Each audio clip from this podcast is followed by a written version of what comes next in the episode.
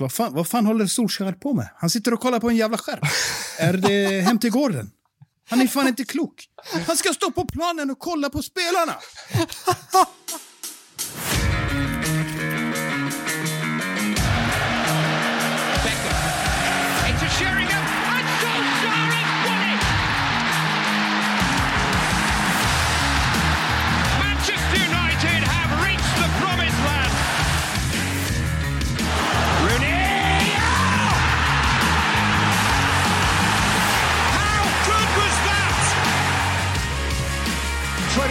To play.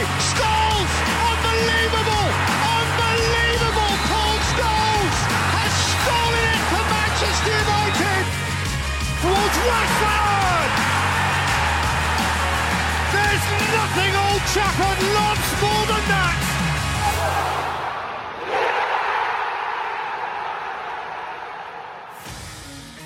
Ni ska känna er varmt välkomna till ännu ett avsnitt av United-podden. Podcasten som du inte visste att du längtade efter.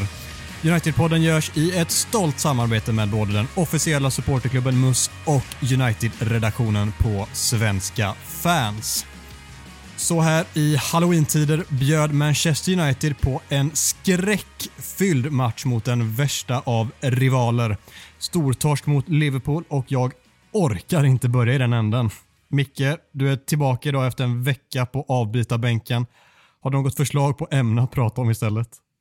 Fy fan, du, nu, nu tog du mig på sängen. Jag har inte tänkt på någonting annat, eller jag har inte tänkt alls sen, eh, sen en av mina värsta upplevelser som eh, fotbollssupporter överhuvudtaget skulle jag vilja säga. Räkna in alla mästerskap med Sverige och allting. Det här var utan tvekan den värsta matchen jag någonsin har bevittnat. Så jag vet inte, jag, jag, eh, vi kan prata om att jag har varit på spa. För att jag panikbokade en spakväll bara för att eh, få ner pulsen en aning. Och, den är nere på 120 nu, men mo- mot, eh, mot vad den låg på innan eller runt matchen så känns det ändå okej just nu. Men jag vet inte, vad har vi på spa? Vill ni spinna vidare på det? Var det, alltså, hjälpte det först och främst? Det är den viktigaste frågan. Terapin.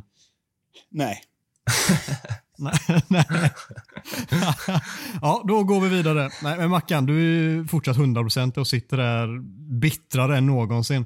Kommer vi ens få avnjuta ett enda muntert ord från dig då? Det är nog, eh, det är nog väldigt tveksamt, tror jag.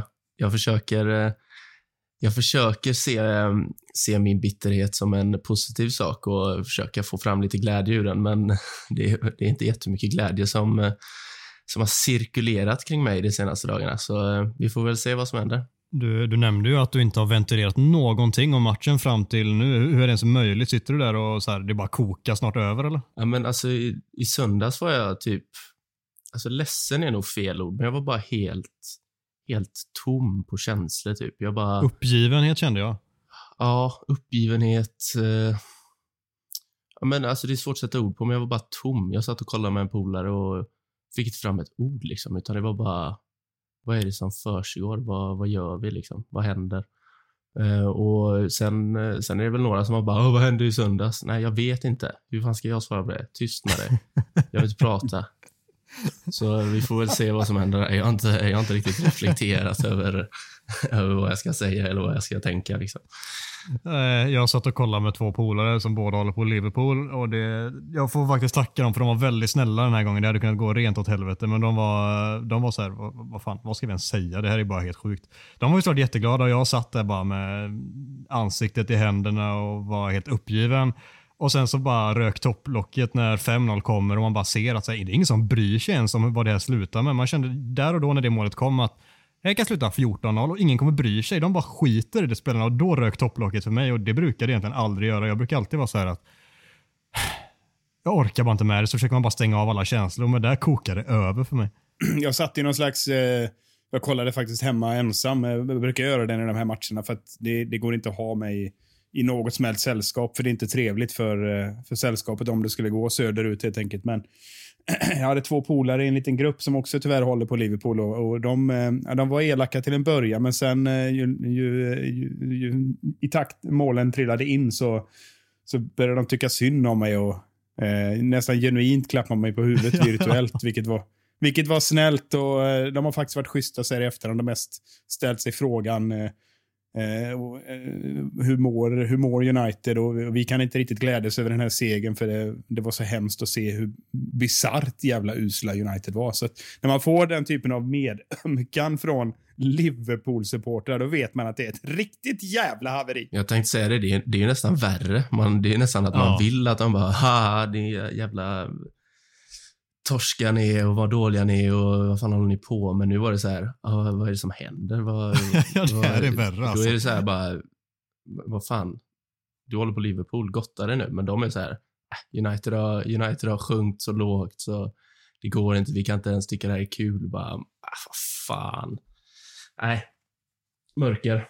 Nej, vi måste lova oss själva den dagen vi ger igen för detta, för den dagen kommer förr eller senare. Då tänker inte vi vara så där, utan då tänker vi håna skiten nu då. Ja, för fan. 100 procent. Inga klappar på axlarna här inte. Nej, nej, för fan så jobbar inte vi. Och uppenbarligen så kan vi inte hålla vårt ord, för vi tänkte att vi skulle prata om annat än matchen här i början, men det gick ju si så där. Jag försökte ändå med mitt spa-kort här, men det, ni vill inte haka. Nej, det, det, det var ett svårt bete att nappa på alltså. Jag är ingen spakille. Det är alldeles för, det är alldeles för lugnt för mig. Jag tror jag går in i koma om jag åker till ett spa. Alltså. Du kanske hade behövt det, Mackan. Ja, förmodligen. Förmodligen.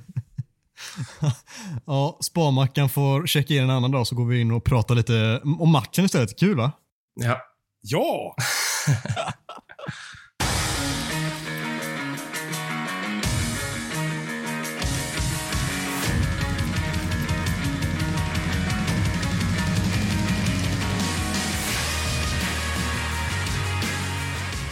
Vi är en United-podd, trot eller ej, och måste ju därmed prata om eländet i söndags lite mer detaljerat.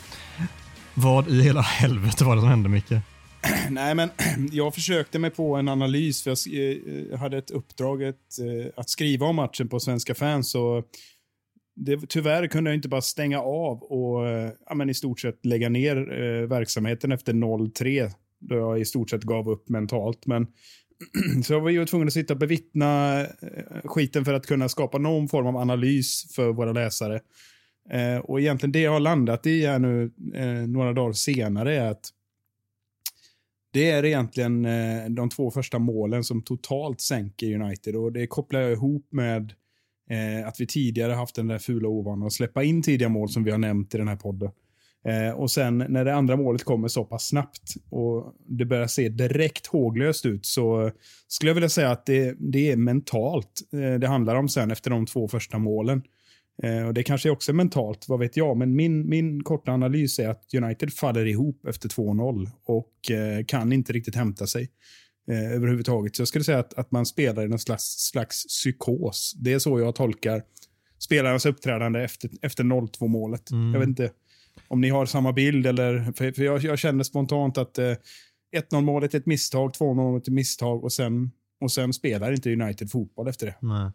Och, eh, alltså det, det här som har varit min ganska alltså min största grundpelare till varför jag har känt som jag har gjort kring Solskjaer tidigare, det är att det som vi har pratat om så många gånger med att det måste finnas ett grundspel, en grundstruktur att luta sig tillbaka mot och det är framförallt i de stunderna det stormar, typ som här, det kommer två käftsmällar direkt mot Liverpool på hemmaplan. Då måste man ha nå- någonting man kan luta sig tillbaka mot, några grunder som gör att okej, man hittar tillbaka, man kan släppa det. Men det finns liksom ingenting. Det blir fritt fall så fort det går lite motgång och så fort det går jättemycket motgång då är det något annat än fritt fall. Jag vet inte vad vi ska kalla det. Oavsett, det, det finns liksom ingenting att hålla sig fast vid vid spelarna utan de är överallt på planen. Vi ser vilka ytor de har. Det finns ju flera exempel med bilder på det Mackan som vi pratade lite om här tidigare. Alltså försvarsspelet, det, jag vet inte var det är någonstans. Och, vi har ju försökt diskutera försvarsspelet, vad problemet är, men den här matchen var bland det absolut värsta jag sett på den här nivån. Ja, alltså det... Jag, jag vet inte ens vad jag ska, vad jag ska säga om det. Alltså det är kollektiv kollaps är väl det bästa ordet, för det, det var verkligen helt, helt obefintligt. Eh, vi, alltså Guys hade ju gjort fyra mål i första halvlek om det var de som var på andra planen. Liksom. Och det säger väl allt. Nej, inte guys. jo, Guys till och med. Alltså, Guys B-lag hade gjort fyra mål. Nej, men det var, det var som att, alltså vi har sagt innan så här att det, det ser ut som att många av dem inte har spelat tillsammans innan, men nu såg det verkligen ut som att han ställde in alltså fyra främlingar i backlinjen, ja, eller på hela planen egentligen, och du bara, kör, gå, gå igenom här. Gör vad ni vill. Det såg ut som Vi- fyra vi spelare på hela planen någonting. faktiskt. Ja. Eh, alltså första målet, eh, den bilden jag skickade i vår grupp här, alltså jag har kollat på den 15 till 20 gånger och jag förstår inte hur det kan se ut så. Vi kan ju lägga ut den på våra sociala medier där, så kan ni som lyssnar titta där på vilken bild Marcus pratar om. Mm, alltså, för att förklara så är domaren är närmare situationen än våra två defensiva mittfältare, en av våra mittbackar eh, och även Rashford som har väl ja, hemjobb är att ta i, men han, han är på egen plan i alla fall. Eh, sen är det bara det är Salah, Keita, Robertson och Trent mot Shaw. I fjärde minuten. Hur, hur kan det hända? Det är, det är helt otroligt. Ja. Och det, Det är ofattbart. Den bilden är lite- kanske en symbol också för matchen. På gott, eller på, inte på gott och ont, utan bara på ont. ja, men det är det. Så är det. Eller symbol över de egentligen senaste veckorna var vi. Eh, fyra insläppta mot Leicester, två mot Atalanta och nu fem mot Liverpool. Det är alltså elva insläppta på tre matcher. Ehm, ja, jag, jag tycker det sätter väl tonen för matchen där att det händer i den fjärde minuten. Liksom. Vad, hur tar man sig vidare efter det? Bara, Oj, shit, det där hände. Och sen kommer 2-0 när Maguire och Shaw inte kan enas om vem som ska sparka undan bollen. Så, eh, ah, jag vet inte. Det var bara... Eh, det var mörkt från minut fyra och framåt.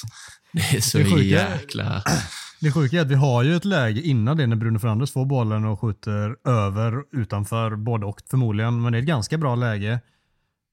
Och sen kontrar de typ i princip på det läget och gör mål. Och sen är det nattsvart. Alltså helt nattsvart. Ja, men det är min bild också. Och jag är liksom inte... Vi, vi är inte via satt studio nu, men jag, jag gjorde mig på en liten analys på vad, vad det beror på. Jag utgick ifrån Solskärs egna postmatchintervjuer när han, han säger att vi är Manchester United, vi eh, i vårt DNA så ska vi vara framåtlutade. Och vad trött Och jag är vi på hans spelar på snack om. DNA för övrigt. Ja, kör på. Ja, och, och det blir liksom en, någon slags försvarsmekanism tolkar jag in det som att eh, eh, på frågan om, om de spelade naivt mot Liverpool. Och, och det såg vi ju alla att det gjorde de. Och tar tar man då 1-0 målet som, som vi nämner den där chansen när, när eh, Bruno bränner iväg den där bollen som inte har landat än. Så, eh, så, upp, så hinner jag knappt uppfatta. För vi, vi står kvar i ganska höga positioner. Eh, bollen spelas förbi både Greenwood och Fambisaka. Lindelöf tvingas ut i någon slags ytterläge. Eh, och överflyttningen ser, liksom, ser okej ut från Maguire och Shaw till en början. Men problemet är att Lindelöf inte dödar situationen, utan han, eh, som jag eh, tänkt på många gånger, han är ju följsam. Det är hans försvarsspel. Men i en sån situation så har jag lärt mig så pass mycket. När, du- när du får ut en, en, en mittback eh, längst ut mot kortlinjen, då ska bollen dö.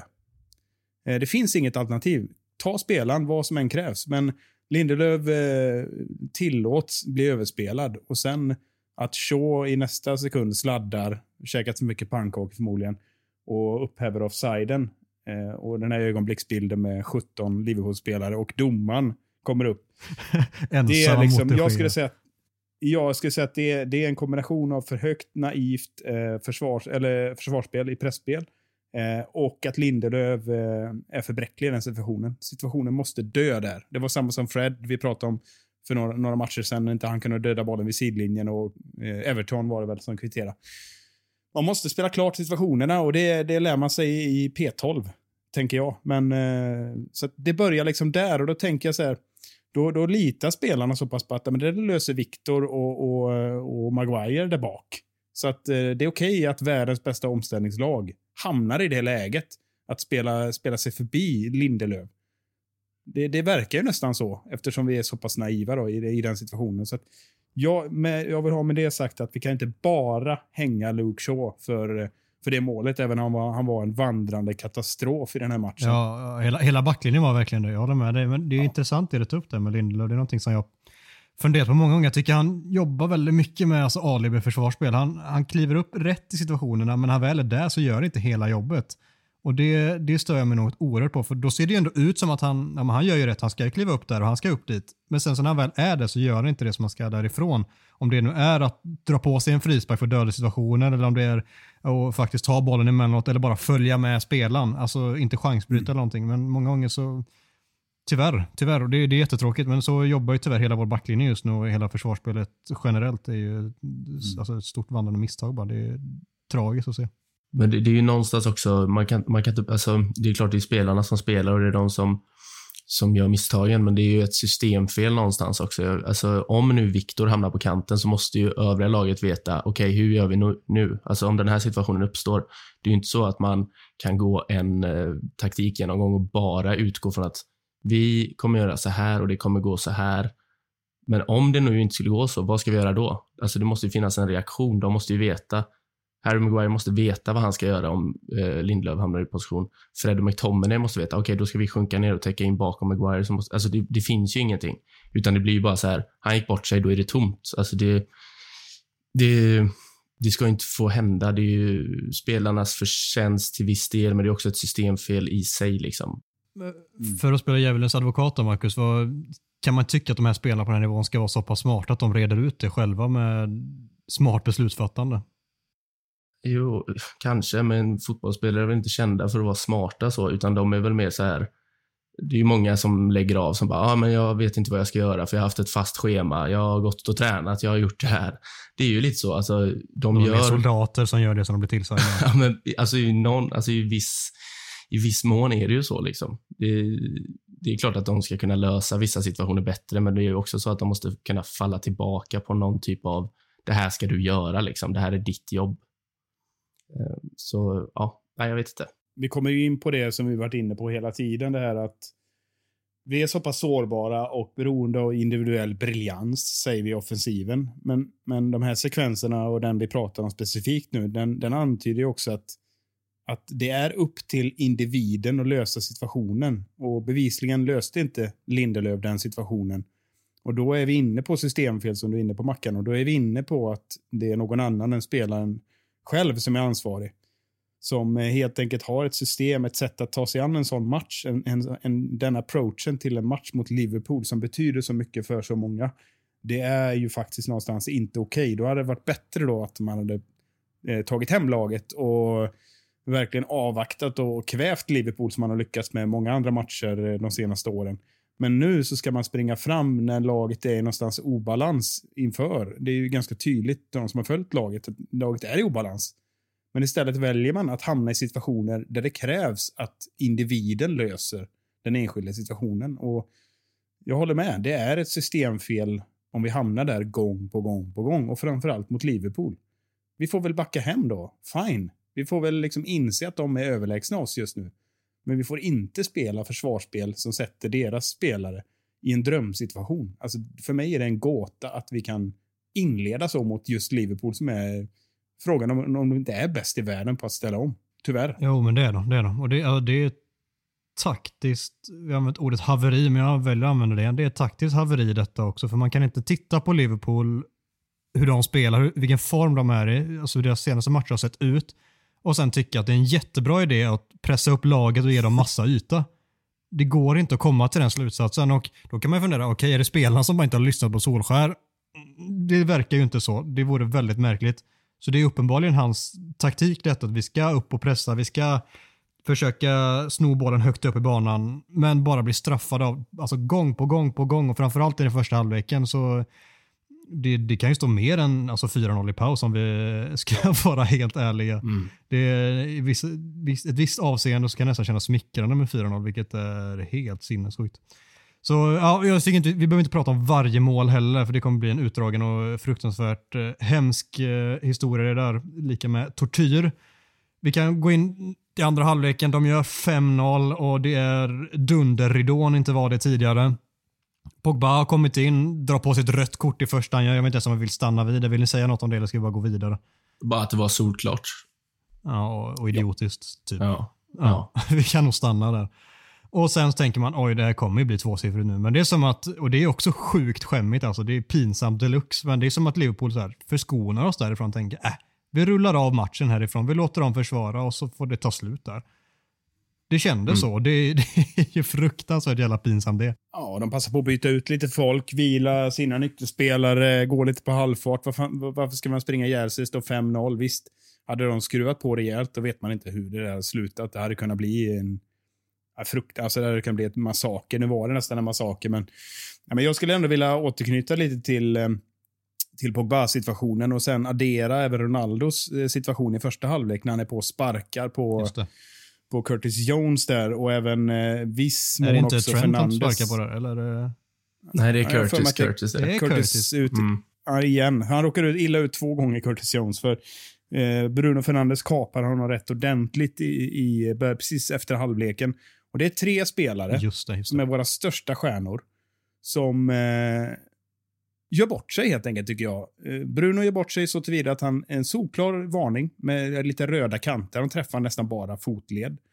Eh, och, och sen står han och protesterar mot Taylor precis som att det, det är en en 50-50-duell. Liksom. Det är patetiskt. Det står 4-0 i matchen. Ta, gå vidare bara. In, ta kortet och gå. Men då ska han stå och tjafsa och ta ut sin frustration på domaren. Och Ronaldo, vad han håller på med, det undrar jag. Det är bara millimeter ifrån ett rött kort. Och sen Pogba som eh, beter sig som en tioåring skulle jag vilja sträcka mig till. Det är alltså de tre största stjärnorna beter sig på det sättet. Frustration, absolut. Vi är också frustrerade. Vi hade också tagit ett gult om vi hade spelat. Men man gör inte så och det tycker jag, jag tycker det ger ett kvitto på hur det här laget mår. Vi vet att United inte mår bra, men det här det beteendet från de spelarna tycker jag är under all kritik. Ja, jag kan säga så här, jag är fel. Jag är fel gubbe att såga sånt beteende, för jag känner mig själv tillräckligt bra och vet att om jag hade spelat en sån match och legat under med 4-0 i paus, hade ju ett eh, fuck you-rött varit eh, nära i Marcus Erikssons huvud. Så eh, jag, håller, men jag håller ju med dig i, jag håller ju med dig om att det, är- det är ju patetiskt egentligen. Så, alltså framför, Ronaldo är ju rött kort. Folk snackar om bollen ligger där. Jag, Han vet precis kort, vad han liksom. gör. Det, det är, nej, fy fan, jag håller, jag håller med dig. Alltså, ja. Är, ja. är det gult kort för att det är Ronaldo eller? Det är gult kort för att vi ligger under med 4-0 och domaren tycker lite synd om oss. Eller vi Ja, jag under tror med det 3-0. också. Alltså. Så det det- är medömkans gult. Ja, det, det var också såklart. Det, det, det är vad det är, tänker jag. Jag landar typ någonstans där. Jag, jag har inte orkat, jag har inte orkat. Nej, Det finns så mycket annat att vara förbannad känslor. över så jag har inte ens orkat bry mig om det, vilket är sjukt i sig. Men det, så är det bara. Mackan, du, vi pratar ju med dig just nu. Du har ju fått prata lite. Du tänker att då kan vi slänga in veckans macka här. Det känns som att du har eh, fått en del att jobba med där. Ja, den var, det var, det var inte lätt. Nej, för er som inte har koll på vad veckans macka är så är det att han efter varje senaste match och när vi spelar in ska utse den som varit näst bäst, den som varit bäst och den som ska höja sig. Vi kan, vi, vi kan väl börja med att ge en, en hyllning i fel ord, men vi kan ge honom eh, en extra klapp på axeln. eh, Vår, eh, vår spanjor i mål. Han, är, han har väl varit vår bästa spelare den här säsongen. Det är väl, inte, det är väl svårt att säga något an, annat egentligen. Och nu släpper han in fem, men han är ju fortfarande överlägset bäst i United. Liksom. Jag, jag, jag, jag tycker inte det, det... Det går inte att argumentera för någonting annat, skulle jag vilja säga. Så den var ju ganska lätt att komma fram till. Eller håller ni med? Mm. Ja, ja, han är, Ja. han är bäst i laget. Så det, Jag är bara nyfiken på vem, vem eh, du börjar med den bästa nu eller? Ja, det hoppas jag. Näst, Du kan, du kan inte mena att han är näst bäst va? Nej. Nej, han var, han var bäst. Det ska bli jätteintressant att se vem du är ändå andra platsen är, för det, det är ingen som var bra, eller? Hittar du någon? Kan du Nej. övertyga oss? Nej. Alla var ju såklart superunderkända. Men eh, ja, Mason Greenwood får den. Och det, det beror väl mest på att han är min favoritspelare i Manchester United.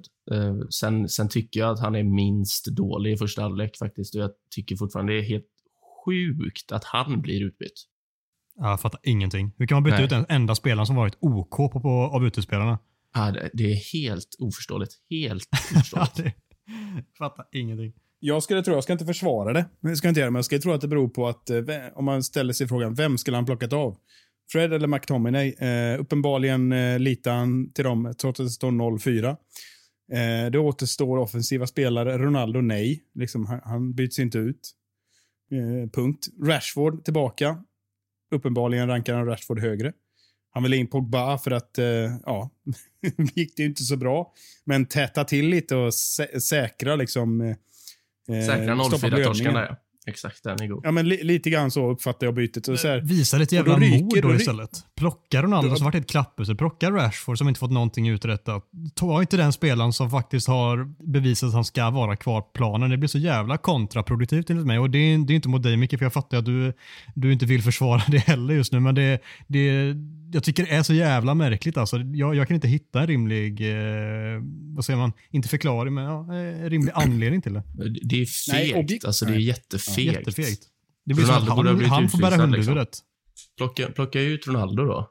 Alltså, gör ett statement liksom. Det här håller inte. Vad håller ni på med? Ut med dig. Och Ja, så- eller Bruno eller vem fan du känner Ja, för. vem som Bara helst, liksom. Exakt. Någon, någon av de mer etablerade spelarna som faktiskt också har varit klappusla. Ja, jag blir typ lite arg nu när jag tänker på det. Jag har inte ens tänkt på det här så jäkla mycket, men nu blir jag, Det är så nu blir lite arg. Så, ja. Nej, men Greenwood var näst bäst. Jag, jag landade inte att någon annan ens var nära på att vara näst bäst. Alltså, Dalot kommer in och är väl inte usel, men han är ju inte, han är inte bra heller. Liksom. Men samtidigt så här, jätteotacksamt läge att komma in. Men Greenwood vill landa där. Jag var inte meningen att kapa dig Micke, där. vill du säga någonting mer om det är det lugnt. förresten? jag, ville, jag ville bara säga, det, det, på ett objektivt plan så var ju Greenwood klart eh, bästa utespelaren. Jag håller med er. Men jag tror att eh, det handlar om här, oavsett vad jag tycker, Ja, att han inte eh, det handlar annat. om eh, hierarki. Ja, Det är det det handlar om. så är det. Det är nog förklaringen, tyvärr. Och, det, och det, det, ja, bara det tycker jag är fegt. Men vi, vi släpper den pucken och så... Du ska välja ut en spelare som måste höja sig, Mackan. Tufft. Ja, vänner. Vem, vem, vem ska Trum- jag... Får vi en trumvirvel här? Vem ska Ja, jag slänger in en trumvirvel. Virvel. Wow. Mm. För mig är det ju solklart, men kör du. Ja, men jag, jag, tar, jag tar Cristiano Ronaldo. Oj. Ja, utveckla. Alltså jag hade ju kunnat välja vem som helst, förstår alla också. Men eh, jag har varit hård mot Ronaldo och nu tänkte jag nu ska jag bli ännu hårdare. Så håll i er här. Håll i hatten. Han är en av världens bästa fotbollsspelare genom alla tider. Eh, och det kan alla hålla med om och jag tycker fortfarande att han är en fantastisk avslutare och han är jätte, jätte, jätte, jättebra i offensivt straffområde. Som jag varit in innan så bidrar han med noll utanför straffområdet, både offensivt och defensivt och Alltså så som han beter sig där i alltså, Curtis Jones-situationen. Okej att du är frustrerad, okej att du kanske vill ta ett rött kort, men vad fan. Du, du, alltså, du ska bidra med rutin, ledaregenskaper och eh, alltså passion till viss del, men det där är bara ett steg över gränsen. Vad fan, Pogba tog ett rött kort, men det var en, det var en tackling och det är också fel, men sparka på en spelare som ligger ner, vad fan, kom igen. Bete dig. Uh, och sen gör han väl ett mål som är offside, men utöver det så syns han ju inte på hela matchen. Alltså det är ju inte bara i första halvlek, eller det är inte bara i andra halvlek, det är ju i första halvlek överlag. Så, och som sagt, jag tycker inte att han gör oss till ett bättre fotbollslag och om han nu ska om han nu ska starta varje match som han kommer göra så måste han vara bättre och inte bara göra ett mål då och då. Så han måste höja sig. Där landar jag. Alltså det går ju inte att argumentera emot egentligen vilken spelare du än väljer där, men för mig är det såklart Paul Pogba och han spelar bara han 10 minuter, men jag, det är så, jag älskar Pogba och jag vill verkligen vara tydlig med det, men han spelar bara 10 minuter och kommer in och agerar som en jävla bebis. Skiter i att vi ligger under med 4-5-0. Liksom försöker göra en jävla dribblingar på mittplan, kostar oss ett mål direkt och sen kommer den här jävla idiottacklingen som att han känner bara fuck it, jag orkar inte spela, jag släpper det här och skiter i detta liksom helt och hållet. Och det gör mig så här bara, höj dig, du ska vara en av våra absolut bästa spelare, vara bärande spelare. Du har blivit bänkad, visa istället att du ska spela och gör inte sådana här jävla idiotgrejer. Mm. Nej, jag, håller med, jag håller med dig också. Alltså, jag landar i Ronaldo för att han, han, han startar ändå matchen och är så pass ordinarie utan att ha egentligen gjort så mycket. Så rent, rent personligt så landar jag ändå i honom. Sen håller jag ju med dig tusen procent i Pogba också, såklart. Ja, men eh, Mackans ord är såklart lag och eh, där har vi da dagens och veckans, veckans macka. Micke, orkar vi prata mer om matchen? Har du något mer du vill eh, få ur dig eller ska vi bara släppa detta och gå in på Talk of the Town som säkert också kommer angränsa in på detta? Nej, vi kör tycker jag. Vi har sagt det mesta.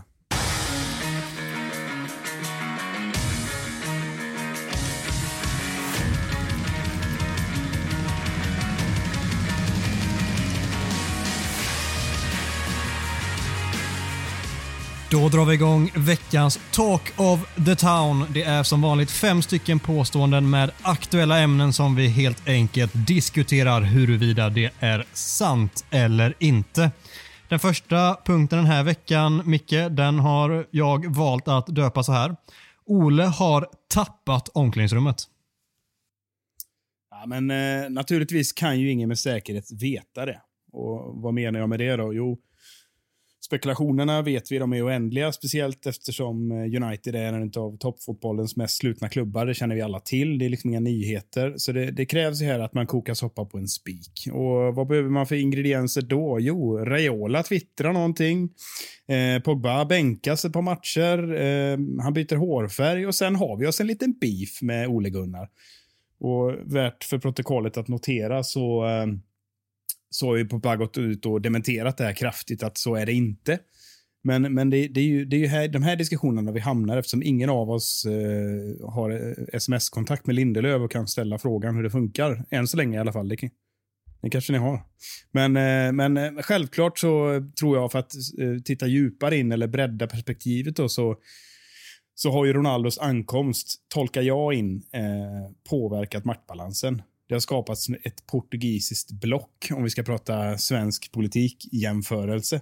Eh, och man ska nog inte underskatta att, att det där blocket, eh, eh, Ronaldo och Fernandes, kan ställa ganska hårda krav på sin omgivning. Inte bara spelare. Till och med Harry Maguire får nog press på sig, som förväntas vara lagkapten. Eh, men också tränarstaben tror inte jag kommer undan heller. Och Vad det gör för ett lag som United med alla de här namnen, eh, det låter jag vara osagt, men jag skulle tro att det finns nog mer falanger nu, det är min gissning.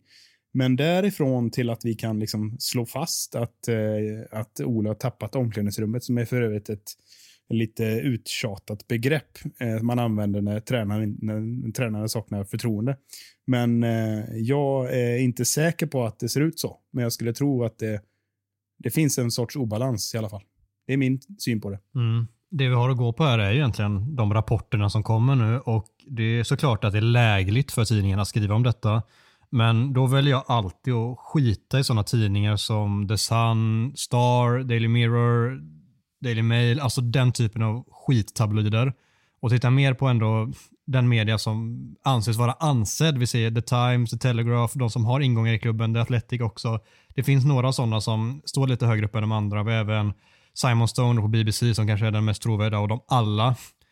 Och läser vi till dem så eh, har jag svårt att dra någon annan slutsats. Det kommer så mycket rapporter och läckor med olika information om vad som har skett vid olika tillfällen, vilket gör att det här måste vara någonting som kommer från klubben och kanske inte klubben i sig, men inifrån Carrington och gissningsvis så är det inte direkt spelarna, men spelarnas agenter, spelarnas närmsta kretsar som har valt att liksom öppna upp lite nu liksom för att sätta press på situationen för att de inte är nöjda med så som, så som det ser ut just nu. Och om det nu är att tappa omklädningsrummet, det måste man kanske först definiera, men för mig är att tappa omklädningsrummet att man har, inte har majoritetsstöd i spelartruppen längre. Och det, så som det låter så finns det fortfarande en engelsk klick framförallt då, som har Oles rygg, men att det är väldigt många andra som där bakom först och främst respekterar honom som person och tycker om honom som person, men vi, vi ser så mycket rapporter om att de inte anser att hans taktiska kunnande är i närheten av de bästa tränarna i ligan och att det hämmar laget något oerhört. Det har läckt ut så pass mycket nu från både um, Paul Hurst hade väl någon lång artikel. Paul Hurst, mm. heter han så? Jajamensan. Ja, um, där, där han tog upp flera exempel som, ja, vissa hade blivit eh, arga för att Harry Maguire fick kaptensbindeln. Någon spelare hade konfronterat Ole med varför det, det är samma startelva vecka in och vecka ut. Vad ska man göra för att få spela? Alltså det, det kommer för många alltså, konkreta exempel från, från olika källor och olika tidningar för att det ska bara vara ett påhitt, tänker jag. Så, eh, ja, och sen, sen ser man väl det någonstans i, i mm, prestationerna också, tycker jag. Det är inte så att vi... Det här kommer ju, alltså 5-0 förlusten mot Liverpool kommer ju inte från någon, ingenstans. Liksom. Det var ju kanske inte väntat, men man kände ju ändå att det kunde lika gärna gå åt helvete på förhand. Liksom. Så, eh, ja, det har han väl gjort. Det tror jag. Ja, jag, jag landar helt enkelt i att han har tappat omklädningsrummet. Vad säger Micke? Ja, men jag, jag, är inte lika övertygad. Jag skulle säga att han har börjat tappa det. Det är ett, ett um, gyllene medelväg väljer jag. Ja, ja, ja. Fegt, men vi får la köpa den här gången. Och Marcus säger? Ja, han har tappat det superhårt, bara för att gå rätt emot Micke.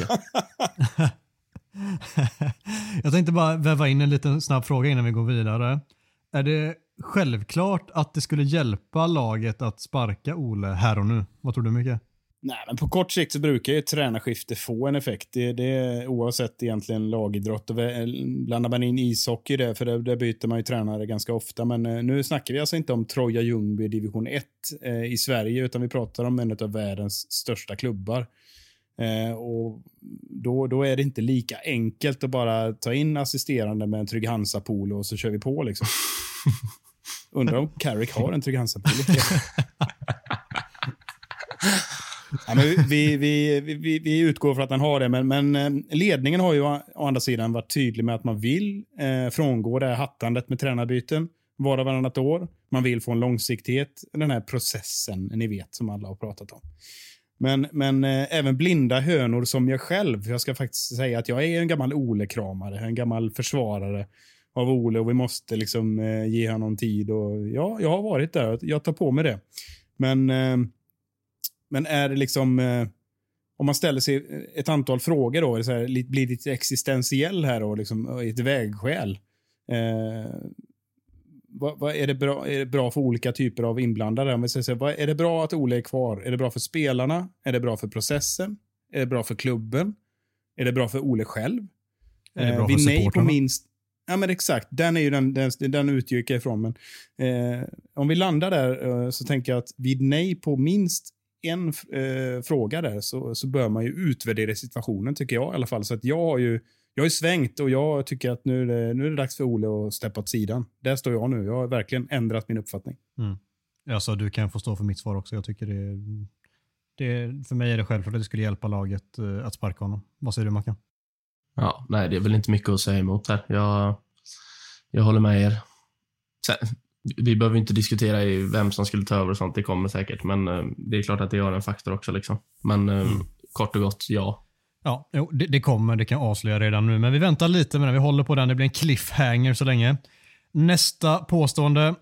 Woodward sitter still i båten. Han vill inte vara ansvarig för ännu en sparkning. Är det sant eller falskt, Marcus? Supersant är det. Fan vad han sitter och njuter nu av att han ska få lämna nästa år och, och bara, nej, jag behöver inte göra någonting mer nu. Nu har jag, nu har jag gjort mitt i klubben här. Och så Alltså jag tror att, jag tror att när, när Ole fick ett nytt kontrakt nu i somras var det va? Japp. Då tänkte Woodward, det, det, nu, är jag, nu, nu kommer inte jag behöva göra någonting på den fronten mer. Och det, nu är jag klar, tänker han. Det checkar ja, jag ut. Lite, lite så liksom. Så när transfer... reser jag till Hawaii och dricker drinkar. Så gött han kommer må när han lämnar. Eller? Har han Hawaii-aura ens? Mm. Ja, ruskig Hawaii-aura. Ja. Byt ut den där stela kostymen med lite blommig skjorta så har du han. han har ju sån där halsband också gjort av blommor runt, eh, runt sig. Så långt, eh, riktigt fult och vidrigt. Man vet också att han har otroligt dåligt pigment så han får köra sån här eh, faktor 70. Annars ser han ut som en eh, gris Ändå ser han ut som ett rödljus. Ja. Eh, för att komma Nej, tillbaka. Förlåt, förlåt. Kör på. Jag tror att han sitter... Alltså, lugnt och stilla är väl en eh, skarp kanske, men jag tror att han... Jag, jag, tror att han absolut inte vill ta ett beslut. Och det, alltså, hade, det varit, hade det varit en annan klubb, eh, ta Chelsea, ta City, ta Barcelona. Barcelona ta, kan vi. Ja, ja precis. Ja, exakt. Då torskar man med 5-0 mot värsta rivalen när det har sett dåligt ut under en ganska bra tid. Då hade man fått lämna senast två dagar efter. Liksom så, så är det ju bara. Jag tror att vi kan konstatera att det är fakta. Ja, ja, vi är unika. Ingen annan klubb hade, i, alltså i, vad säger man, på våran breddlängd, hade ju, eller våglängd, hade låtit honom sitta kvar vid den situationen. Nej, så jag tror att han sitter ganska lugnt och stilla. Sen är det klart att det här är en situation som han inte hade velat uh, skulle inträffa och nu, nu måste han väl egentligen göra någonting om detta fortsätter och jag tror att han drar sig satan för att slippa det. Liksom. Mm. Han sitter ju och hoppas på att det går rätt okej okay de närmsta tre matcherna innan landslagsuppehållet så att han kan rättfärdiga i hans ögon då att eh, låta honom sitta kvar. Vi vinner mot Tottenham, kryssar mot Atalanta och kryssar mot City. Då kommer han ju bara, oh, Ole stanna till 2024. Fan vad gött. Nu skiter jag fullständigt i resten av den här säsongen. Åtminstone tills han själv lämnar och så blir det ansvaret läggs på någon annan. Exakt. Ja, nej, jag, jag är inne på samma spår. Jag tror att han drar sig så in i bänken för det och att det, det kan vara en delförklaring till att han faktiskt sitter kvar. Sen vet vi också att det kommer mycket rapporter om att Sir Alex är en av de som stöttar hon, Solskär mest och liksom i ledningen där och tycker att han ska få fortsatt förtroende. Om vi bara stannar där, Micke, vad tycker du kring det? Att uh, Sir Alex uppenbarligen verkar vara en, fortfarande någon som har stor betydelse i beslutsfattningen och att han kanske i det här fallet och enligt väldigt många är någon som håller klubben tillbaka istället. För, först ska sägas att jag, jag är inte riktigt eh, uppsjungen exakt Sir Alex roll. Han har väl någon så här heders, är han någon slags hedersordförande eller vad har han för ja, roll? Sitter Ambassadör? i någon, alltså, någon beslutsfattande typ av kommitté. Jag, vi kan stanna med det så tror jag att folk fattar i alla fall. Han, han, han har en, en, en alltså, han har väl lika mycket att säga till om som de andra sitter på hans positioner, men sen är det Sir Alex och hans röst väger ju tio gånger tyngre än någon annans det, det, var egentligen det jag ville utesluta, att vi hamnar där. Att vi, vi är nog alla överens om att han har en, han har en tung röst i, i klubben. Och hans minspel såg ju snarare ut att han ville sparka hela laget. Man, man såg mm. han på mm. läktaren där. Men, men, eh, nej, men jag skulle säga att ja, alltså, eh, det är klart att det spelar in. Och jag var inne på Woodward-diskussionen där. Jag, jag skulle... Jag har ju svårt att se, med tanke på att han planerar vilken solskyddsfaktor han ska ha på sig på Hawaii, att han, eh, att han har så mycket att säga till om. Jag skulle jag, skulle, jag, jag, kan inte de här, eh, de här organisationerna på den här nivån utan och innan. Vi skulle haft med Gustav Han är ruggigt vass på det där med, med stora, tunga företag. Det kan han. Han har forskat mycket, vet jag. Han får berätta mer i nästa avsnitt. Men, men, eh, Kostymgurra. Men vi, ja, men exakt. Men vi, jag tror, min personliga åsikt är, men det jag tror är att Ed har inte så mycket att säga till om här, utan det är styrelsen och ägarna. Eh, skulle de ha bestämt sig för att nu kickar vi Ole, då, då har inte Woodward någonting att säga till om i det här läget, skulle jag tro. Däremot, som, eh, för att svara på din fråga, då, så eh, är jag alldeles övertygad om att Sir Alex eh, röst väger tungt. Han kanske har skjutit upp det. Eh, och skjuta upp pinan eller skjuta upp vad vi nu kallar det. Men eh, jag skulle tro att hade, hade han gått ner och sagt tvärtom, att men, eh, nu ska du nog flytta hem till Molde igen, Ole då hade det nog gått fort. Ja, det tror jag också. Jag tror att det väger så pass tungt.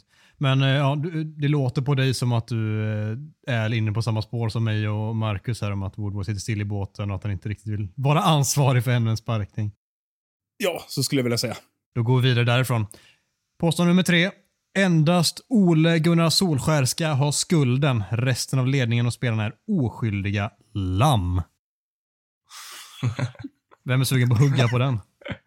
jag kan hugga på den. Eh, nej, såklart.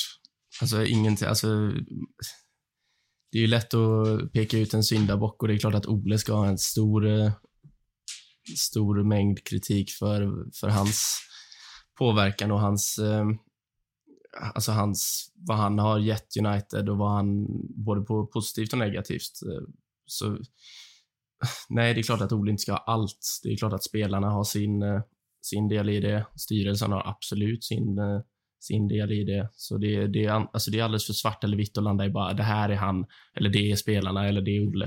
Det är ju såklart en mix av alltihop. Alltså, det är väl dumt att påstå någonting annat skulle jag säga. Jag kan nästan bli, nästan nej, jag kan bli jätteirriterad på ledningen som också så här tillåter situationen att bli så här nu för Solskär. Alltså de ser ju hur det ser ut, vad supporterna tycker och tänker just nu. Det jag tror att det skulle ha svängt över till, vad kan det vara, 95% av supportrarna nu som tycker att det är dags att sparka Solskär. Det blir en frustration som byggs upp mot Solskär. Det är en av våra liksom, stora legendarer i klubben. Mm. Och istället så svärtar detta ner när det blir så här.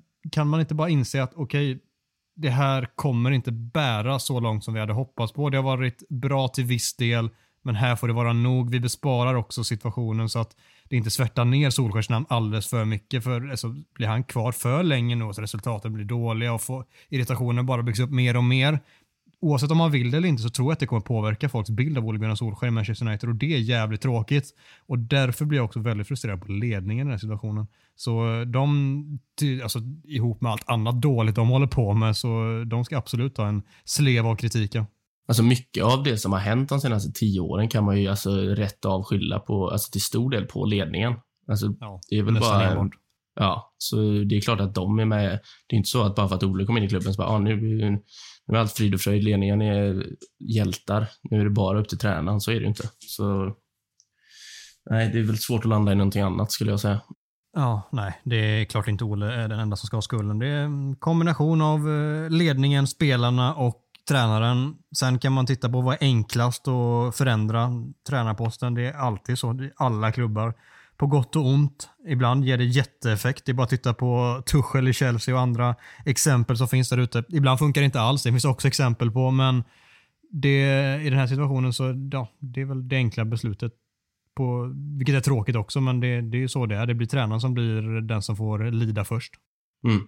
Jag fyller i. Vi, vi, vi får ju ändå tillskriva oss Rättvisepodden här någonstans. För att eh, jag håller helt med er att det är naturligtvis aldrig bara ens fel i, i, ett, i ett fotbollslag, av, speciellt av den här digniteten. Jag vill, jag vill knyta an lite till resonemanget tidigare. att eh, att ledningen ha, har eh, utgått ifrån att man vill se en, eh, en, en långsiktig lösning. Man är inne i en process.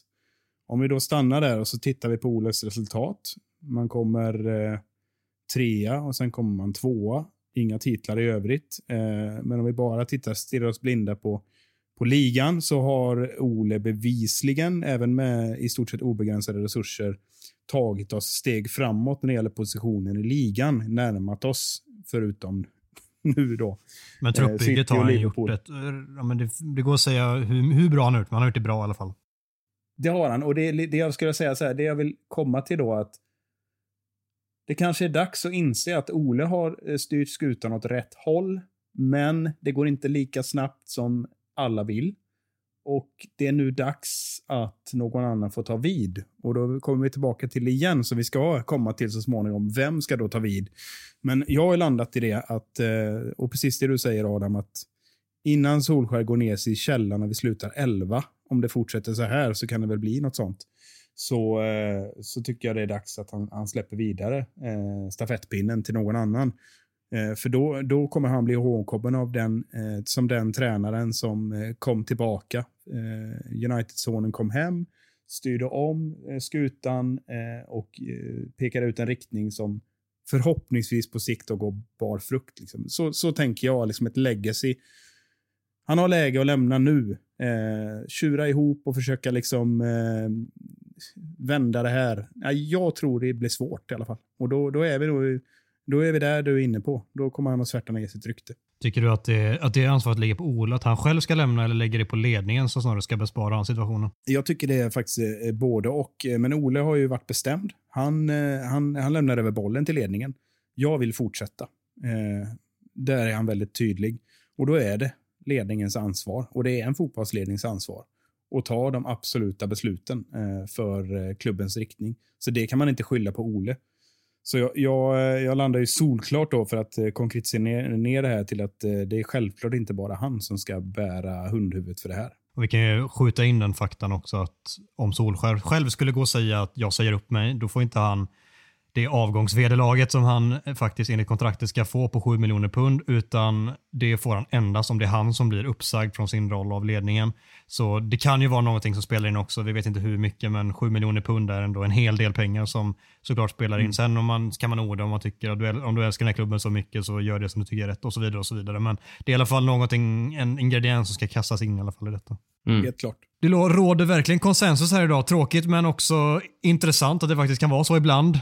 Fjärde och näst sista påståendet. United har fastnat i namnsjukan. Alltså att man har värvat namn istället för spelartyper som faktiskt är de som kanske hade passat bäst in och behövts allra mest i det laget som finns här och nu. Vad, hur går dina tankar där, Marcus? Mm, jag, är ganska, jag, jag är lite kluven i det här, men eh, det är väl någonting vi har sett egentligen sedan, sedan Ferguson lämnat. eh, att man tror att de största spelarna kommer, kommer bli de bästa spelarna för Manchester United. Eh, alltså, Schweinsteiger är ett exempel, Falcao är ett annat, Di Maria är ett annat. Eh, vad har vi mer för sådana goa värvningar genom åren? Alexis Sanchez. Ja, det är väl Värsta av dem alla. Ja, precis. Det, det är lite... Det har varit ett ganska, det har varit ett ganska stort problem länge, skulle jag säga. Eh, men sen, jag tycker ju ändå att det har blivit bättre under Solskär. Jag tycker ändå att, eh, att det finns en tanke bakom majoriteten av värvningarna i alla fall. Folk säger nu, ja, Jadon Sancho, han har ingen plan. jag tror ändå att det finns en plan där. Jag tror bara att eh, det kommer nog ta lite tid, men jag tror ju att jag tror att vi har gått ifrån den här lite värva de stora spelarna så kommer det bli bra. Jag, jag tror att vi, vi är inte helt därifrån, men jag tror att vi är på G därifrån. Ehm, sen har det ju varit ett stort problem genom åren.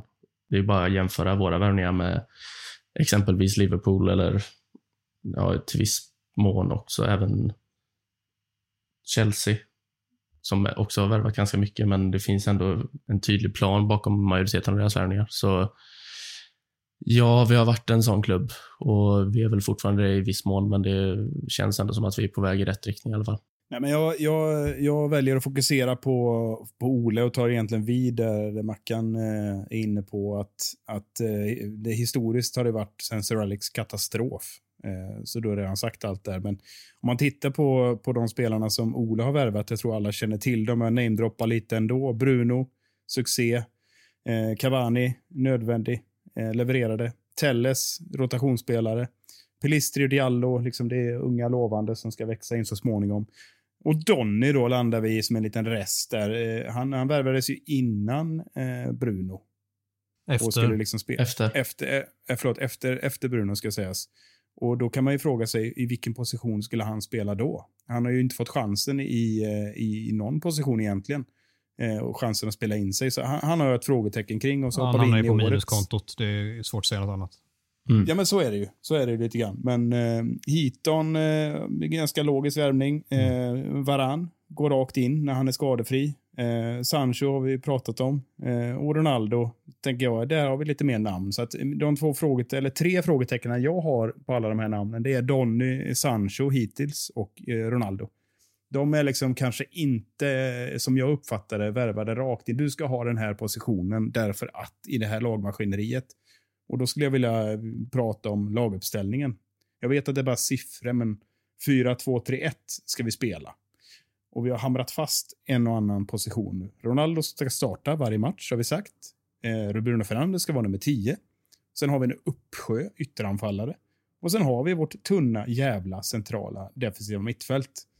Och så har vi Pogba som hoppar runt där. Så att jag, jag eh, fastnar i att man har, värvat, ja, man har värvat namn så tillvida att trycka in i den här 4-2-3-1. Och så har man inte lagt krutet på centralt eh, defensivt mittfält, utan man förlitar sig på dem vi har. Det har vi nämnt så många gånger nu så att det är så tjatigt, men jag landar i det att det där har vi problemet under Ole, eh, som jag tycker, håller med Mackan, ändå har vänt den här Schweinsteiger, Sanchez-träsket till något bättre. Men vi är fortfarande där att vi har låsningar i den här, i den här uppställningen som gör att vi, vi har luckor fortfarande i ett lag som kostar huggor. Får jag lägga in en sak där? Som jag tror. Jag tror ju att jag tror ju att Ronaldo-värvningen har försvårat, eller förändrat i alla fall, stora, stora delar av vad, vad Solskjaer hade planerat inför den här säsongen. Jag tror att han, Helt klart. jag tror att eh, utan Ronaldo så hade vi, så hade garanterat Jadon Sancho spelat mer matcher hittills. Mm. Jag tror att Mason Greenwood hade spelat mer centralt än vad han har gjort hi- hittills. Eh, Så jag tror att den värvningen har, eh, den har försvårat lite av grundtanken. Han har, han har tvingats att, att förändra det han egentligen har utgått från inför säsongen. Jag, jag, det är min känsla i alla fall. Jag tror det. Ja, ja, och jag tror även att det kan ha påverkat. För där och då, innan Ronaldo-ryktena verkligen tog fart, så var det ju allt snack handlade om att nu kommer United rikta fokus på en defensiv mittfältare. Sen kom det tydliga uppgifter, det är helt uppenbart att Ronaldo vill lämna Juventus. Det började sippra fram att det blir Manchester City han går till. Och United och då även Ole, så sett som han har pratat om sitt hela situationen. och Att han liksom, det är uppenbart att Ole också vill ha Ronaldo. Kände att vi, vi kan inte låta honom gå någon annanstans. Han måste tillbaka hit. Och Då slopar man tanken på en värvning av en defensiv mittfältare för att ekonomin liksom räckte inte till. Och, och tiden fanns inte där. Man behövde reda ut allting för att lösa Ronaldo sista veckan på fönstret där. Och Det gjorde att vi inte fick den spelaren och det, det är där jag tycker att vi börjar titta på namn igen. Jag tycker inte vi har gjort det tidigare. Donny van de Beek är möjligen det enda, liksom, vad ska man säga, undantaget som bekräftar regeln i så fall. Men i övrigt så tycker jag så här, Sancho, vi jagade honom i två år, ville ha honom till klubben. Jag tror att det har funnits en solklar plan för honom. Och det kommer bli bra förr eller senare oavsett vilken tränare vi har. Det, jag har svårt att se någonting annat. Med Ronaldo, det var där man började se att namn, shit. Alltså ägarna kliver in och känner Ronaldo har vi chanser, vi måste ta honom.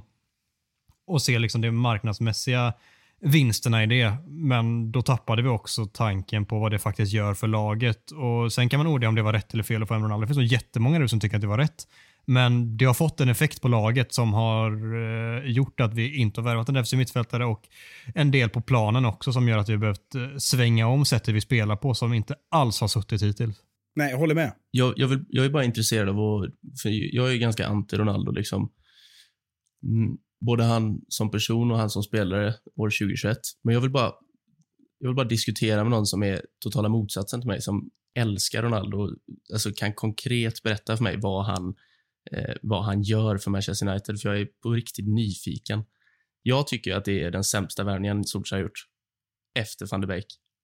Och det, det, det kommer jag stå fast vid. Liksom. Så är det bara. Jag kan, jag kan ta en semi... Eh, fight med dig matchen. För jag, jag håller med dig om att han är, han är ju en komplett eh, nia som... eh, Det är inte Romelu Lukaku i Chelsea nu då som, som ändå har, har gått ner 20 kilo och tar jobbet hemåt. Liksom. Men eh, eh, jag skulle säga att det handlar om att Ronaldo, som har fyllt 37 eller fyller 37 snart, måste underordna sig och förstå att han kan inte starta alla matcher. Och han, eh, med sin status i klubben som vi berörde tidigare, behöver förstå att laget kan ibland behöva ställa upp på ett annat sätt och underordna sig det och ta en inhoppande roll. Men det kommer han inte gör göra. han- Det är det som är Nej. problemet. Exakt, och där är jag med dig. Men gör han det, vi låt säga att han gör det eh, och hoppar in, då, då blir han ju extremt nyttig för United när vi ändå ska bara anfalla eller något skulle kunna vara. Men jag är helt enig om att han, han, eh, han förstör mycket i och med att hierarkin blir helt upp och nervänd. Och eh, det går inte att peta honom för då, då får man honom emot sig. Och då kommer det att sabba stämningen ännu mer. Så att jag, jag skulle säga att eh, om, om inte Ronaldo kan underordna sig, då har vi ett stort problem. Men kan han underordna sig, då kommer vi ha nytta av hans tjänster. Det är jag helt säker på. Och Då tror jag vi får omvärdera. Då ber jag dig att omvärdera beslutet eh, huruvida det är den sämsta värvningen. Det kommer jag göra, men jag är också 100% säker på att det inte kommer att inträffa. Så jag, jag sitter ganska lugnt i min båt här faktiskt. Men räcker det så här då? Räcker det att han lyckas tweaka lite på sin inställning Ronaldo, att han kan tänka sig att sitta bänk var tredje match helt plötsligt, starta från bänken. Och att eh, kan det då göra så pass stor skillnad att det helt plötsligt går att se en vinning i det, Marcus? Nej. Nej. För han kommer ju ändå starta 35-40 matcher då. Och jag, han kommer inte gå med på det. Alltså, jag, jag vet att vi ska utgå från att om, om det här, men det kommer ju inte hända liksom. Det, det, man värvar inte bara spelaren man värvar personen också. Han har väl, jag menar när han hade Zidane som tränare, han kunde ju bli skitarg och sparka flaskor och sånt när han blev utbytt vid 3-0-ledning i 79 minuten. Bara, man kom igen, bete dig. Alltså, jag, jag förstår inte. Jag förstår Han inte hade kollat statsen. Han kunde gjort sitt eh, 27 mål inom 34 matcher. Han, har mycket streak som ska bevaras. Det är mycket rekord som ska slås och många tweets som ska skickas ut efter det.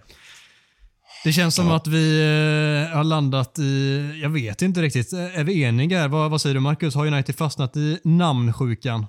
Är de, är de i namnsjukan just nu? Så kan vi säga. Eh, ja, men det får vi väl säga då. Micke, vad säger du? Ja, det är för vi har inte löst centralt defensivt mittfält. Då blir det ett ja på den.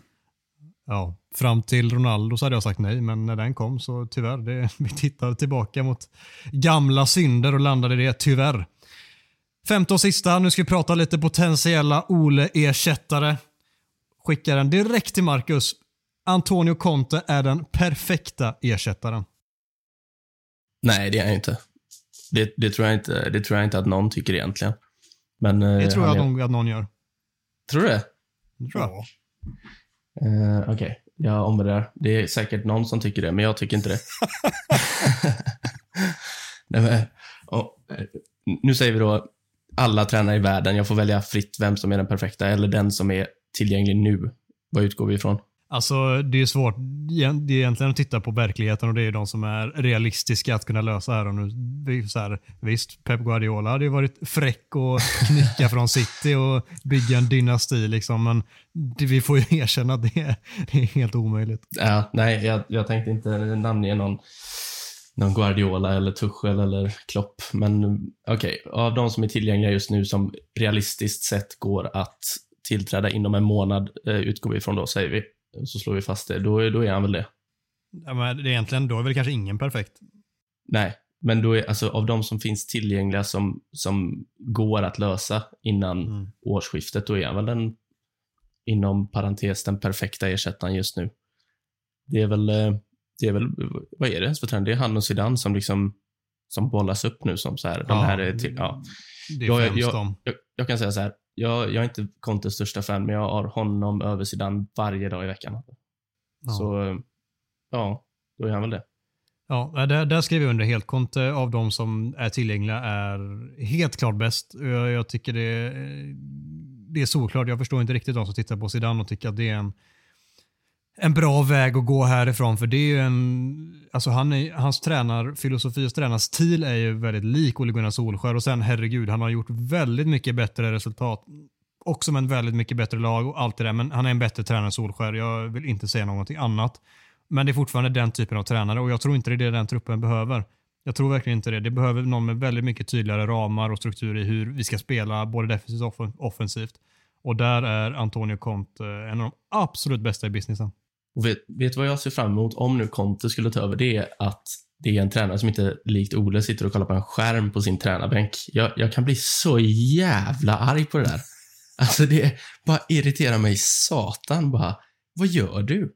Alltså vi ligger under med typ 2-0 mot, ja, vilka vi nu har legat under med 2-0 mot, men det är alltså otalet gånger han, han, bara sit, han bara sitter med benen i kors och, och bara sitter och små tittar på en skärm. Bara, Det är, så- som Bojan sa det en gång, kommenterade det. Jag ska försöka åter, åter eh, eh, ge det på ett bra sätt. Vad fan, vad fan håller Solskjaer på med? Han sitter och kollar på en jävla skärm.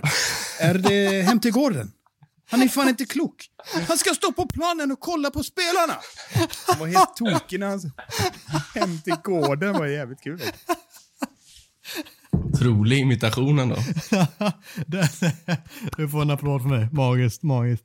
Du fick faktiskt Marcus att le. Jag tror inte det gick idag, men det gick.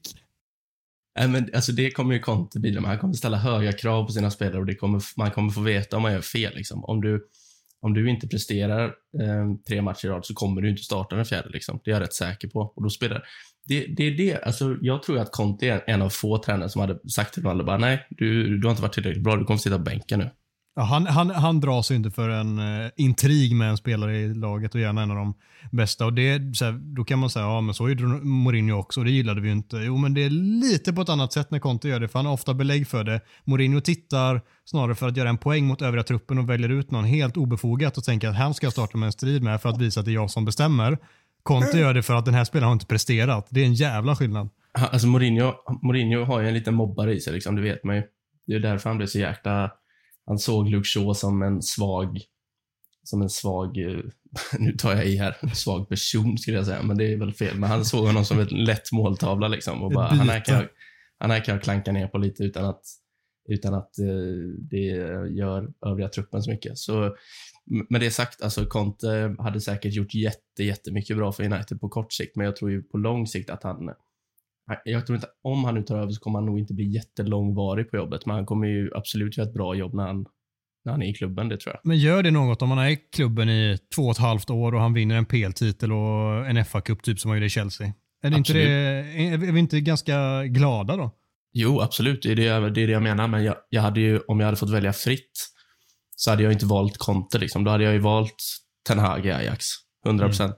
Ja, det är, det är drömmen för de allra flesta och jag skriver under helt. Det hade förmodligen tagit lite tid där, men långsiktigt så hade det varit en tränare som hade gjort under med United. Jag tror verkligen det. Mm. Men han är också, det är omöjligt att lösa här och nu. Då, det, då blir det snacket istället. Ska vi ta en interimlösning säsongen ut och bara vaska den här säsongen helt och hållet med en trupp som ändå är byggd för att prestera ganska mycket här och nu. Vi har många unga spelare, men vi har också Ronaldo, Cavani och en del spelare som liksom är i sin prime med Pogba och Bruno också. Ska vi bara vaska den här säsongen då? Tveksamt. Conte är en tränare som kommer in och kommer leverera, ja men vi säger kanske inte efter första två veckorna, men jag tror att ganska omgående så kommer han få resultat med det här laget. Och då eh, ser jag det som en vinning här och nu när istället för att ta en interimlösning för att eh, chansa på att man kan lösa Ten Hag i sommar när kanske någon annan klubb också vill ha honom. Vem vet? Det, jag vet inte, det, det är en chansning. Interimlösningen är också det sämsta United kan göra, för styrelsen är så svag där. Så säg att vi vinner tio matcher i rad i vår, så bara, oh, Oh. femårskontrakt till eh, Darren Fletcher som aldrig haft ett Ja. jobb innan. Liksom. Så, Ja, det snackas ju faktiskt om Darren Fletcher som den interimlösningen i så fall. Och där är man ju livrädd att det blir samma sak, en Ole-historia igen, att han råkar göra tio bra matcher och får ett treårskontrakt på det. så, alltså det är klart, om Conte finns tillgänglig och det går att anställa honom snabbt så, så, så ska vi göra det. Liksom.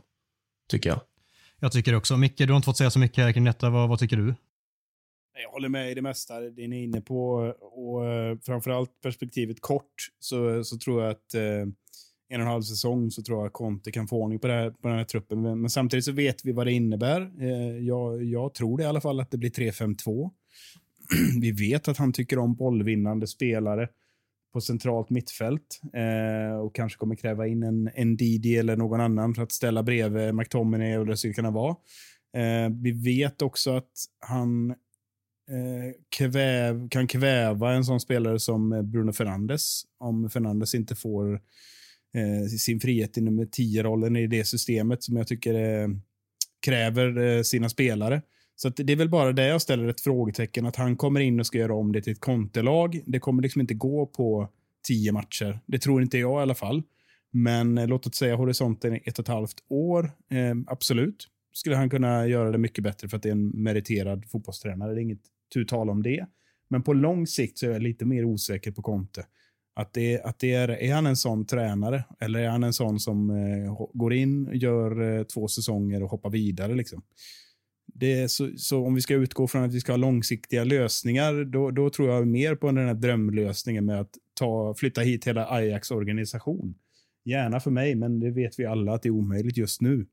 Och interimslösning tror jag inte heller på. Så egentligen, vad är det jag landar i då? Ja, jag, jag, jag landar helt enkelt i att eh, Ole Gunnar Solskjörs dagar är räknade. Och den bästa på marknaden att ersätta honom nu är eh, Conte.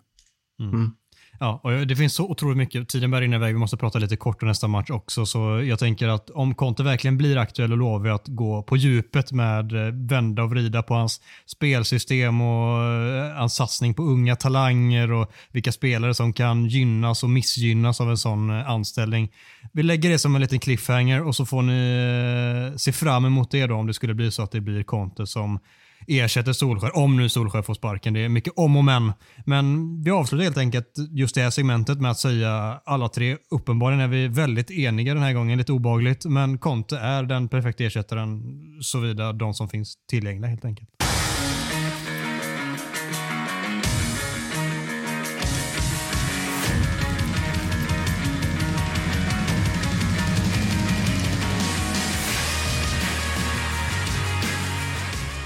Klockan 18.30 på lördag spelas århundradets krismöte när Tottenham Hotspur och Manchester United brakar samman på den där arenan som heter någonting med Tottenham.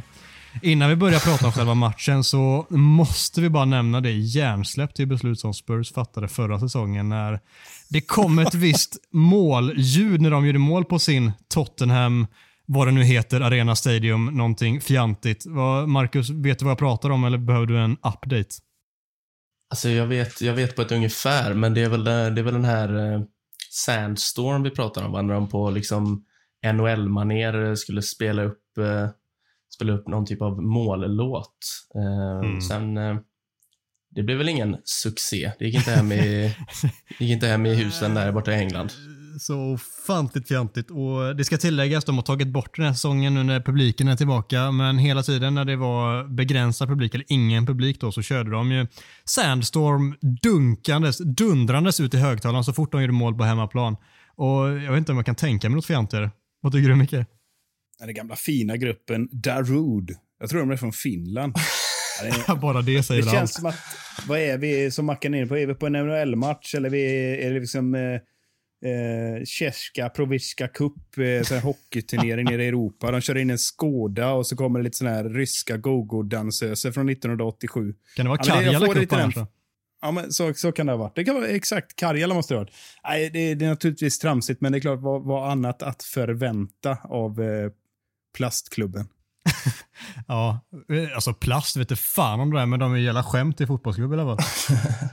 De kanske har kvar mållåten, det är bara det att de inte har gjort några mål i år. Jag vet inte. Där har vi svaret. Det är därför vi tror att de har lagt ner med det, men de har bara inte gjort mål på hemmaplan. Nej, exakt. Nej, jag, jag, kan ändå uppskatta lite den här loser-mentaliteten. Jag hatar loser-mentalitet, men jag kan uppskatta att de ändå anammar den så tydligt som de gör i, borta i Spurs-lägret. De, de, de tycker det är härligt att de är sämst och det får man ändå kunna uppskatta att eh, folk även i motgång kan hitta sätt att bli glada, för det, jag har ingen aning hur man gör det. Nej, det är fint faktiskt. Jag behöver, jag behöver lära mig lite av, eh, av Ledley Kings knä bland annat. De, eh, ja. De, eh, jag har mycket att lära av dem tror jag. Ja, det, vi har alla det på ett eller annat sätt. Vi får plocka in någon i podden någon gång och be dem förklara receptet på hur man faktiskt gör och avnjuta en tuff period. Och de vetat allt om väldigt många år. Om vi pr pratar om själva matchen då, kan det vara så att eh, rent krasst att den tränare som förlorar matchen får sparken? Ja, alltså sk- skulle Tottenham eh, vakna till och slå, slå tillbaka ett United med 3-0, Harry Kane liksom, eh, se till att den där Darude-låten spelas tre gånger, ja, men då, då finns det ju inget att be för. Då är det godnatt för Solskär. Liksom. Så att jag, skulle, jag skulle säga att Solskär har mer han har högre insatser inne än vad Nuno har. för eh, ja, Jag tänker inte gå in och utvärdera Tottenham överhuvudtaget. Det har de fullt upp med själva. Men så som jag uppfattar läget så känner jag att eh, det är all in för Solskär. Medan Nuno sitter där och maskspelar med, med Big Blind på sin höjd. ja, jag, jag tror ju att, alltså, jag är inte alls säker på att han kanske ryker mot United. Det känns 50-50, men alltså, jag, är- jag tror ju att United kommer vinna den här matchen. Livrädd ska jag inte säga. Jag, jag är glad när mitt lag vinner matcher, men jag vet också att det kan innebära en längre pina och ångest än vad det gör att faktiskt bara byta tränare och bli lite bättre på fotboll. Oavsett, jag tror att Tottenham de har gått riktigt dåligt också det senaste. De vann mot Newcastle absolut, men sen har de torsk mot Vitesse, West Ham och sen vann de mot eh, stolta Burnley, Carabao Cup igår när vi spelade in detta. Med 1-0, superimponerande. De går sådär i ligan också, det kan vi slå fast också. De ligger på ett poäng före Manchester United, succésäsong då kan man säga egentligen för deras skull, men det är ju helt ärligt så att de har inte alls lyckats få till spelet heller. Jag tror att han mycket väl kan hänga löst om han torskar, för det är väldigt mycket kritik mot honom också borta i Tottenham-led. Han är ju också världens tråkigaste tränare. Ska vi bara flika in det? Alltså Ja. han, ja. Så Wolverhampton, man vill ju för fan gråta när man har sett honom spela sen han kom ut i Premier League. Det har ju varit... Han tycker varit- alltid synd om sig själv och inte så här i sätt han pratar på, utan bara så uttryckligen. Så som han ser ut. Ja. Bara, ah. Nej, så ofantligt tråkig. Jag tycker faktiskt lite synd om Tottenham. Ja, det, de har ju tappat karisma kan man ju säga med Pochettino och Mourinho på helt olika sätt, men båda har ju karisma åtminstone. Men här är det ju något helt annat. Det är icke-karismans fader Nuno Espirito Santo. Mm. Ja, Micke, Tottenham i usel form. Hur mycket skrämmer de? Ja, men de skrämmer. Ett, ett United i totalt eh, instabilitet. Eh, alltså Burnley hade ju skrämt i det här läget. Förlåt Burnley, men... Eh, Ashley Burnley-podden Barnes, eh, Ja, men lite grann. Vi vill komma in där hela tiden och mysa lite. Nej, alltså jag, jag är... Ja, jag är så oerhört nyfiken hur United ska ta sig an den här matchen. För går vi ut på ett liknande sätt nu som vi gjorde här mot Liverpool, ja, men då blir vi, kan vi bli bestraffade av en sån som Son. Jag vet inte om han är skadefri eh, nu äntligen kanske, men för deras del ska sägas. Men eh, jag, jag är orolig på riktigt. Ja, jag, Mm. jag, in, jag inväntar bara den här stroken man kommer få 17.30 på lördag när det är samma elva han ställer ut. Då um, mår man ju inte bra. Jag tänkte faktiskt fråga dig exakt den frågan, Marcus. Tror vi att han kommer köra någon form av reaktion nu där han bara “fuck it, det är mitt jobb som hänger på detta”. De här spelarna har varit klappusla senaste matchen, senaste matchen, såg inte ut som att de brydde sig. Det är många som har läckt ut i media. Jag ställer ut ett helt nytt lag. Eller kommer han bara köra på med samma grej och hoppas att det funkar igen? Alltså, för att vara ärlig, jag tror inte att han ställer ut exakt samma, men jag tror inte att det kommer vara något radikalt. Liksom. Det är väl Fred och McTominay. Och så är det Bruno framför och så är det Ronaldo på topp och sen kanske det är en Lingard in på ena kanten och en Sancho på den. Alltså det är, det är max han kommer göra. Och sen Varane är ju frisk nu så han kommer väl komma in. Men jag tror inte att det är så här tio förändringar. Det kommer inte hända. Han är för feg för det. Skulle, tror du att han vågar eh, slänga in eh, Alex Telles istället för Shaw eller kommer han skydda Shaw och köra vidare med honom? Ehm. Nej, ja. Ja, det, Shaw kommer starta tror jag. Jag tror faktiskt det också. Trots att Han var en av de absolut sämsta på planen senast. Mm. Ja, men det, ja, nej, det kommer... Ja, fan, nu blir jag så här deppig igen. Men jag, jag är bara, jag är bara super... eh, Alltså jag är så kluven inför den här matchen. Liksom. Och det är klart att jag vill att United ska vinna, men det är samtidigt så här... De kommer vinna och då kommer alla bara, oh, frid och fröjd. Nu, nu är vi tillbaka. Och så eh, dröjer det. Ruskigt ambivalent där. Mm. Mm. Jätteambivalent. För jag är som, alltså, som supporter är jag alltid så jag kan inte hoppas på något annat än att mitt lag ska vinna. Jag vill ingenting annat varje match. Men samtidigt så sitter man där i andra vågskålen och känner att det, alltså för att det här laget ska bli bra så måste det ske en förändring. Och för att det ska ske en förändring så är det inte asbra att vi vinner den här matchen tyvärr, för vi vet hur vår klubbledning fungerar och det är tragiskt att det är så. Därav vill vi såklart rikta mest kritik mot klubbledningen, men jag tror ni fattar ni som lyssnar. Det, det är jävligt tufft det. Hur, hur resonerar du, resonerar du i sådana här fall, Micke? Det är ju en väldigt speciell situation. Det är klart att skulle vi slå Tottenham med 7-0, det är klart att då eh, finns det väl fog för att liksom, oj, nu, nu bouncear vi back på riktigt, inte bara skriver det på Instagram. Men äh, jag, tycker, jag tycker det är jättesvårt. Det är naturligtvis så, eh, jag tillhör i alla fall inte den supporterskaran som önskar en förlust bara för att få bort Solskär. Det är inte jag riktigt än, utan jag tycker att äh, det måste man utvärdera över tid, även om jag håller med om att i alla andra stora klubbar så får man sparken när man torskar mot bittra rivaler. Liksom. Så så det, till, det, fönstret är redan stängt. Så det, det är en genomklappning som skulle kunna öppna upp fönstret igen för att Ole åker redan nu. Men annars så tror jag att, eh, att man är kvar där, så det verkar vara någon slags legio att eh, ja, men nu utvärderar vi efter City-matchen. Liksom. Mm, Eh, det, ja. det verkar de flesta experter ha fastnat i. Och jag skulle tro att det är nog där vi landar, oavsett om vi torskar med 1-2 eller vad det skulle bli. Men nej, det är, det är, det svårt att se. Sen, sen med säkerhet att Pogba kommer väl inte spela. Är det någon som har sett hur många Ja, matcher tre han matcher. fick? Tre matcher. Ja. Och för Så de det- som inte har koll på det, så de närmsta tre matcherna så är det ju Tottenham, det är Atalanta borta och sen är det Tottenham borta, Atalanta borta och sen är det Manchester City. Är det hemma eller borta? Logiskt Hemma. känns väl hemma. Ja, det är hemmaplan. Precis. Och sen så är det landslagsuppehåll efter det och det är väl då som det sägs att det, Ole får matcherna fram till dess. Och eh, oavsett om det är rätt eller inte så verkar det faktiskt vara så som är fallet. Avslutningsvis då matchsnacket. Vad, jag brukar alltid fråga vad United vinner med, men så som det känns nu så är det helt sjukt att ställa den frågan. Så vad tror ni? Vinner vi matchen? Bouncear vi back? Jag tror inte det. Jag tror det, det lutar åt ett kryss för mig. Jag tror att det är krystat. United kommer att ta det väldigt passivt. Jag tror man kommer att ta hem laget och försöka stänga ner. Och Tottenham har ju eh, enorma problem de också. Eh, så att jag tror det blir en ganska låst tillställning och så, och så eh, pustar Ole ut efter en- ett 1-1. Mm. Vad säger Marcus? Nej, tror du? jag är med dig. Jag tror att det kommer bli en väldigt tråkig fotbollsmatch. Och eh, 1-1 är ändå... Ja, jag tror 0-0. Jag tror att det inte kommer bli några mål. Och så... Så var den lördagskvällen förstörd. Har man slösat två timmar på det. Jag tror att Ole kommer återigen visa att han eh, har lika många liv som tio katter och vi slumpar in en fast situation till 1-0 ganska tidigt, får lite självförtroende, börjar spela helt okej. Inte bra, inte bländande. Vi spelar okej. Tottenham är också jättesköra just nu mentalt, så ett baklängesmål tidigt för dem gör ju att de tappar all tro på det här. Och så vinner vi med 2-0 i slutändan och folk, inte folk, men ledningen i alla fall, och visst folk också tycker att ja, det kanske ändå är Solskjaer som ska ta detta vidare. Du tror ändå på en hållen nolla. Det är magstarkt ändå, tycker jag. Hur många var det? Två på 21? Men vi har ju slått fast att Tottenham inte gjort ett enda mål på hemmaplan. Var, det är väl rimligt då. De har inte heller mött Manchester United. De har inte mött Harry Maguire, Victor Lindelöf, Luke Shaw, Aaron Van Bissaka. Fan, nu när jag säger det, fan, jag sa ju också hålla nolla förresten.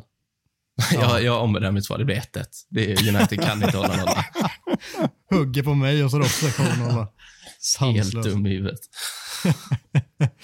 Ja, ska vi klappa igen butiken eller vad säger vi boys? Ja, det är väl, eh, det är väl dags. Vi somnar om.